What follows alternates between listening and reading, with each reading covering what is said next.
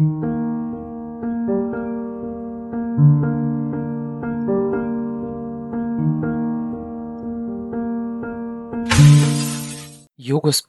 Jugospora, Jugos, Jugospora, Jugos, Jugospora, Jugospora, Jugos, Jugospora. Dobar dan i dobrodošli na Jugosporu. U ovoj epizodi čitanja eseja pročitaću tekst Tomislava Longinovića pod nazivom U potrazi za izgubljenim prostorom, objavljenom u knjizi Život na drugom jeziku u izdanju službenog glasnika 2019. godine. Vrata taksija se zatvaraju iza mene. Stupam na asfalt ispred prozirne kapije koja se raskriljuje da bi me propustila u zgradu aerodroma.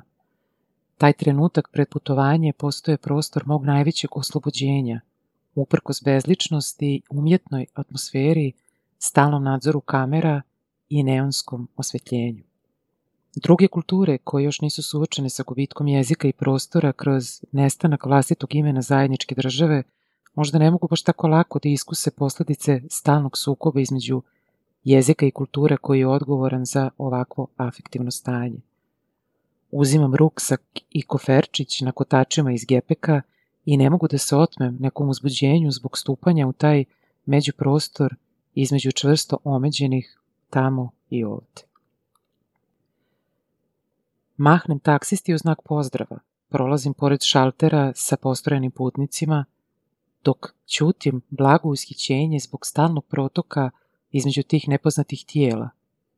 Izraze lica na kojima se ocrtavaju simptomi putne groznice su veoma različiti, uz moju iskrenu nadu da je pokret kultura još uvijek u toku, te da najmračnije fantazije o čistoći rasa i kultura nisu ponovo ovladale planetu.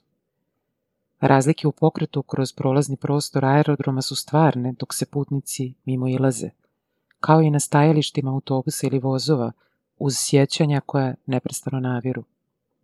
Nisam ni slutio da će mi se maternji jezik raščetveriti, da će nesložna južnoslavenska bratija izabrati da krene stazama sve manjeg međusobnog razumevanja. Pišem ovom nečistom varijantom svih novih, a ipak starih jezika, koja je ujedno i rogobatna mješavina onog što je preostalo od srpsko-hrvatskog ili hrvatsko-srpskog – sa ciljem da namerno iritiram čistunce svojim nepristajanjem na jedno od njegovih nacionalnih imena. Oni kojima nije bilo lako da se uključe u novi narod posle raspada stare države, opstaju u procijepu prevođenja ako su ostali na istom prostoru, iako najvećim dijelom nisu ni svesni koliko su izgubili nestankom šireg kulturnog prostora. Povratni efekt gubitka tog prostora se odražava na način koji razumeju svoje tijelo i misao na reči kojima mrze drugačije i zaljubljuju se u isto. Mogućnost da se kroz čitanje izmašta neki novi svet je oduvijek bio spas piscima koji su, kao još mlada ljudska bića, imali prilike da iskuse čari tog papirnatog sveta sa druge strane svakodnevnice. Ovo je prevozno sredstvo pogotovo važno za pisce koji su svoju poetiku formirali živeći na periferiji kultura osiromašenih beskrajnim sukobima, pa shodno tome i nedostatkom tolerancije za sve što je iole obeleženo znakom drugosti. Njima čitanje otvara niz novih pogleda na najudaljenije delove sveta, kao i prema prostorima koji skriveno bivstvuju mimo toka svakodnevne svijesti.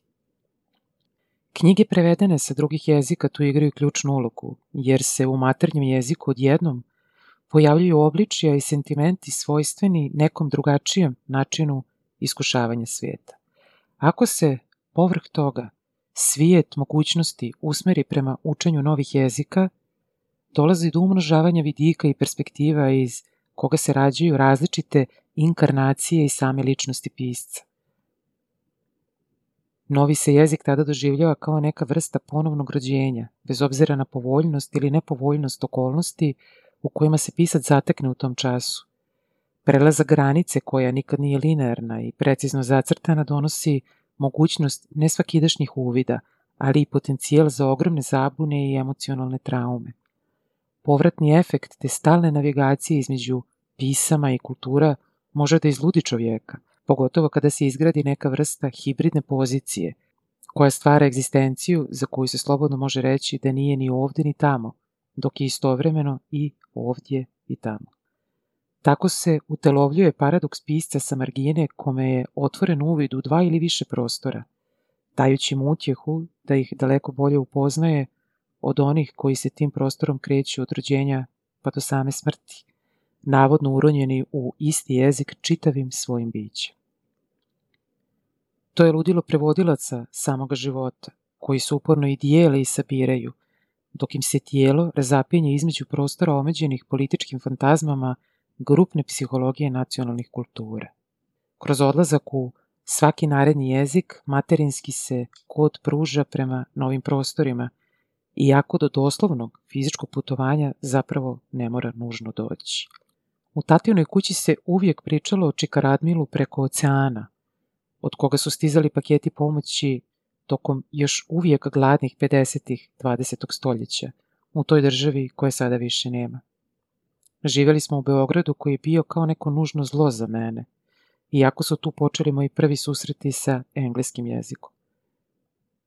Pored Čika Radmila sa tatine strane koji je postojao kao priča o Americi, moja omiljena osoba se zvanično zvala Radmila, iako smo je svi zvali Rajka. Sestra moje majke Danice, uvek posvećena drugima i njihovoj sreći, legendarna profesorka Niške gimnazije, osoba koja me izvukla ne samo igrama na engleskom, već i čitavim svojim bićem. Bila je student na katedri za engleski jezik i književnost u Beogradu i nije propustila da mi podari Little Golden Dictionary, iz kog sam naučio prve reči na jeziku koji će me kasnije odvesti na sasvim drugi kraj sveta.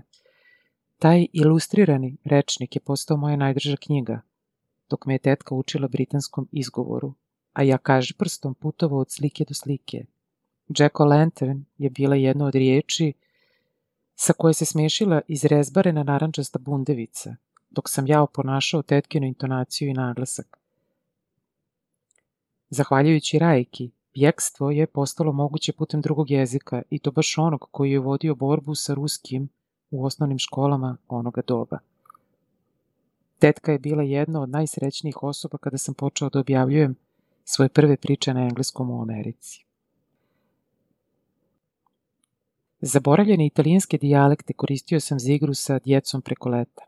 Već od moje druge godine mama i tata su počeli odlaziti preko leta u Rovinj, gradić u kome ću, pored zapadne varijante maternjeg jezika, upoznati posebnu vrstu italijanskog narečja koje se tamo održali posle pada Venecije u ruke Napoleona i kasnije Habsburgovaca. Istro Veneto je bio jezik koji sam upijao vijajući se sa decom po uskim i vlažnim uličicama Rovinja, pecajući na veliku molu ili iskačući na glavu sa legendarne balote na gradskoj plaži Monte. Opićo, zvala bi me stara susjeda Domenika, dok sam radi prodaje, kao i deca koji sam i dan danas po rovinskim ulicama slagao školjke i požiće na kartonsku kutiju cipela. Nože Šoldija volela me je jer sam donosio tek upecane špariće njenim mačkama, koje su posle izgona Italijana postale njena najbliža porodica. Tek sam kasnije shvatio da naš boravak u Rovinju je bio posledica tog izgona Italijana iz Istre i da moje odrastanje u okrilju više od jednog jezika ima svoju cijenu u životima ljudi koji su bili prinuđeni potražiti dom i sreću sa druge strane granice. Moja prva putovanja van Jugoslavije, u kojoj su razlike već bile dio odrastanja kroz više zvaničnih jezika, nisu imale na mene neki poseban jezički utjecaj. Navikao na susrete sa novim jezikom kao bogatstvom raznovrsnosti, postao sam svestan da postoji sila izvan jezika, moć koja se krije iza nejednakosti u zastupljenosti prevoda u velikim i malim narodima. Engleski je meni postao moćan prvo zbog Šekspira, kasnije kroz Beketa, kao zatajna prethodnica velikom imperialnom stroju koji će se razlomiti u fragmente mnoštva raznih varijanti engleskog koji trenutno dominira planetom, iako nema najveći broj govornika. Doživio sam taj jezik kao bolid Formule 1, dok me ovaj domaći idijom bez pravog imena oduvijek podsjećao na puzanje po močvarnom tlu. Dakle, i materinski jezik je oduvijek bio podeljen. Samo su nas kao male učili da imamo jedan srpsko-hrvatski ili hrvatsko-srpski. Mada se sada čini da su se političari od samog početka te nestale države sporili oko toga kako da tu našu jugu već jednom podijele na zone sobstvenog utjecaja. U kući se nikada nije pričalo o prošlosti, niti o bilo čemu što bi moglo da optereti dete. Dijete sam bio ja, već dostojno svikao odrastanje u Sivilu beogradskih jeseni i zima, beskreno napornim i dosadnim školskim danima, stalnom borbom sa društvenim bolestima mnogih članova moje porodice. Za utjehu, kod kuće su me čekale knjige u Minervinom izdanju klasika svetske književnosti koje sam prerano počeo da čitam. Bile su to knjige u platnenom povezu, čijeg se mirisa i dalje veoma dobro sećam, izabrane kao presek kulturne paštine čitavog čovečanstva u socijalizičkoj verziji novog humanizma. Od uvek sam osjećao bojnost prema bilo kakvoj vrsti grupnog projekta tokom odrastanja u toj Jugoslaviji koje više nema. Iako sam nekako slutio da moja obitelj ne pripada novom poredku oko mene. Tišina u kojoj sam se najčešće nalazio je uvijek bila ispunjena setom poraženih, onih koji su se okupljali na slavama daljih rođaka, gde sam uzvanicama morao izmicati zbog štipanja obraza i napuderisanih poljubaca baka i tetaka. Tek sam kasnije doznao da je moj stric Radmilo izbegao iz Kraljevine Jugoslavije 1941. odmah po njenom padu, da su titoisti oca Zorana tri puta osuđivali na streljanje 1945. pa pomilovali u zadnjem času. Stalno ćutanje i neodređeni strah su bili deo svakodnevnice, a očeva upozorenja da pazim šta pričam u školi i pred ugovima mnogo jasnije. Verovatno zbog sveopšte paralize i panike te poražene građanske klase koje sa rođenjem pripadao, u meni se od malena razvio otpor prema vizijama blistave budućnosti kojima su nas drugovi i drugarice velikodušno zasipali. Otac me je učio da gledam da li me neko prati, da nikad ne primam piće od stranaca u baru. Nije mi bilo lako da se uklopim u glasna okupljanja vršnjaka, već sam dosta vremena provodio usamljen, svestan nekog maglovitog nedostatka koji mi je stalno pretio. Kasnije sam doznao da su i rođaci sa mamine strane prošli kroz svojevrsnu golgotu o kojoj se tek ponešto slutilo. Deka Mija, koji je uvijek bio spreman za pesmu i igru, te me učio da deklamujem pesme Branka Radičevića pred njegovim pripitim pajtašima, penjući se na stol u kafani proleće u Nišu, je neposredno pre toga preživeo logore Crveni krst i Banjicu. Kasnije su ga preuzeli partizanski kadrovi, pa se mučenje nastavilo sve dok zbog pokušaja samoubojstva nije završio u psihijatrijskoj bolnici u Toponici. Moja kratka priča Behind God's Back, koja je 90. bila uvrštena u jedan od mnogobrojnih književnih izbora jugoslavenske proze, se bavila njegovom tragičnom životnom sudbinom. Jugoslavija je tokom 90. bila zanimljiva isključivo zbog trajanja ratnih sukoba, kao što se sada čita toliko u irečkoj ili afganistanskoj prozi. Ta priča je bila jedan od prvih pokušaja da se jedna stvarna trauma iz balkanskog okruženja prevede na stroge parametre engleskog jezika. Inače, većina mojih književnih pokušaja se zasnivala na ogledima sa formom i jezikom, gde se osjećaj za zbilju parodira u korist mašte i njezinih beskrajnih domašaja. Sam naslov, Bogu iza leđa, bio je parafraza definicije perifernog prostora, idealna alegorija za mnogo toga pa i moj položaj. Uvijek nespreman da zauzmem središte pozornice kao moj otac glumac, skrivao sam se od tog pogleda koji su uvijek imali moć da od mog pisanja načine nešto drugo, ono čemu nisam težio. Tada mi se još činilo da se može iznaći neki novi jezik između jezika, kao u snu avangardista o nekom kosmičkom kodu koji prevazilazi ograničenja pojedinačnih izričaja i učestvuje u stvaranju poetike čitavog univerzuma.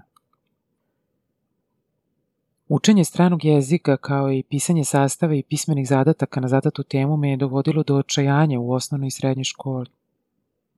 Trebalo je baratati zadatim obrazcima na način koji će zadovoljiti školska pravila, a to je za mene bilo ravno luđačkoj košulji. Opirao sam se i grčevito suprotstavljao pisanju kao takvom, pa se činilo da će škrabotine koje su se pomaljale iz vrha moje olovke biti vrhunski domet mog književnog opusa. Jednom reči, užasavao sam se pisanja kao aktivnosti nametnute od strane školskog plana i programa, a utjehu nalazio u satima provedenim u čitanju koje me lagano mamilo u paralelni univerzum gdje nisu bile bitne ni roditeljske svađe, niti sveopće siromaštvo u kome smo živeli. Odlazak u letnju školu engleskog tokom drugog i trećeg razreda gimnazije je odigrao odlučujuću ulogu u daljem razvoju dela ličnosti koji je težio stalnom pokretu i bekstvu od užasa, prosječnosti, svega što me je kao mladog okruživalo. Majka je godinama radila preko vremeno kako bi uštedila za školarinu, pa sam se 1972. našao u Oksfordu u društvu mladih iz cijelog svijeta koji su savršavali svoj engleski. Lutajući Londonom preko vikenda nadenuo sam sebi i englesko ime na jednoj od lažnih poternica u stilu divljeg zapada koje su tada bile vrlo popularne u radnjama suvenira na Pikadiliju. Tom Long, Wanted Dead or Alive, je bio jedan od trofeja koje sam po povratku u Beograd izvjesio na zidu kuhinje u kojoj sam tada provodio svoj život, uz postere Jimi Hendrixa, koji je iz nekog zagonetnog razloga postao moj alter ego. Često sam sanjao kako spaljujem gitaru na sceni, ludujem sa ostatkom benda u zvuku Jimmyve gitare koja mi se preko vinila urezala u najdublje slojeve ličnosti. Sa ostatkom generacije sam sanjao o odlasku na istok i počeo da gutam knjige na engleskom koje su se bavile duhovnim razvojem, hermetizmom i ezoterijom. 80. godine su učvrstile disko idiotizam kao metu za ismejavanje od strane novog talasa, čiji sam deo bio kao pisac tokom poslednje godine Jugoslavije, družeći se sa članovima idola, električnog orgazma, discipline kičme, EKV-a, buldožera, filma, azre, dok se u tišini konsolidirala vlast novih nacija elita pod maskom uspješnog biznisa koji nam se sprema. Moje kratke priče i prevodi su počeli da izlaze u Zagrebu i Beogradu dok sam studirao psihologiju iz želje da sebe izvučem iz stanja potištenosti i strepnje. Pisanje knjige Minut ćutanja je otpočelo krajem 70-ih sa ciljem da na plan pripovedanja prenese taj ogled o nelinearnom razvoju priče.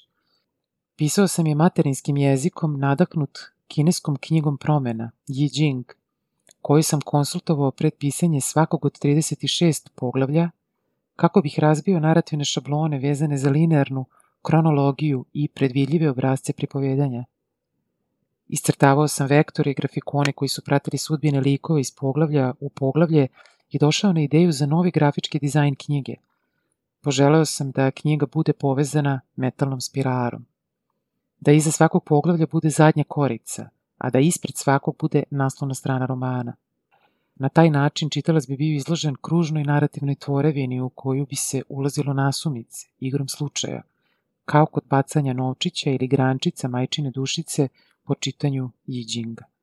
Kada je knjiga bila napisana tokom mog boravka na radionici za pisce u Ajovi, Iowa Writers Workshop, na engleskom, izložio sam ovu ideju za dizajn urednicima avangardne izdavačke kuće Burning Books, koji su zapravo izdali zbornik u kome su bili John Cage, Laurie Anderson, Yoko Ono i ostali pobornici eksperimentalnih vizija u umjetnosti u tom času.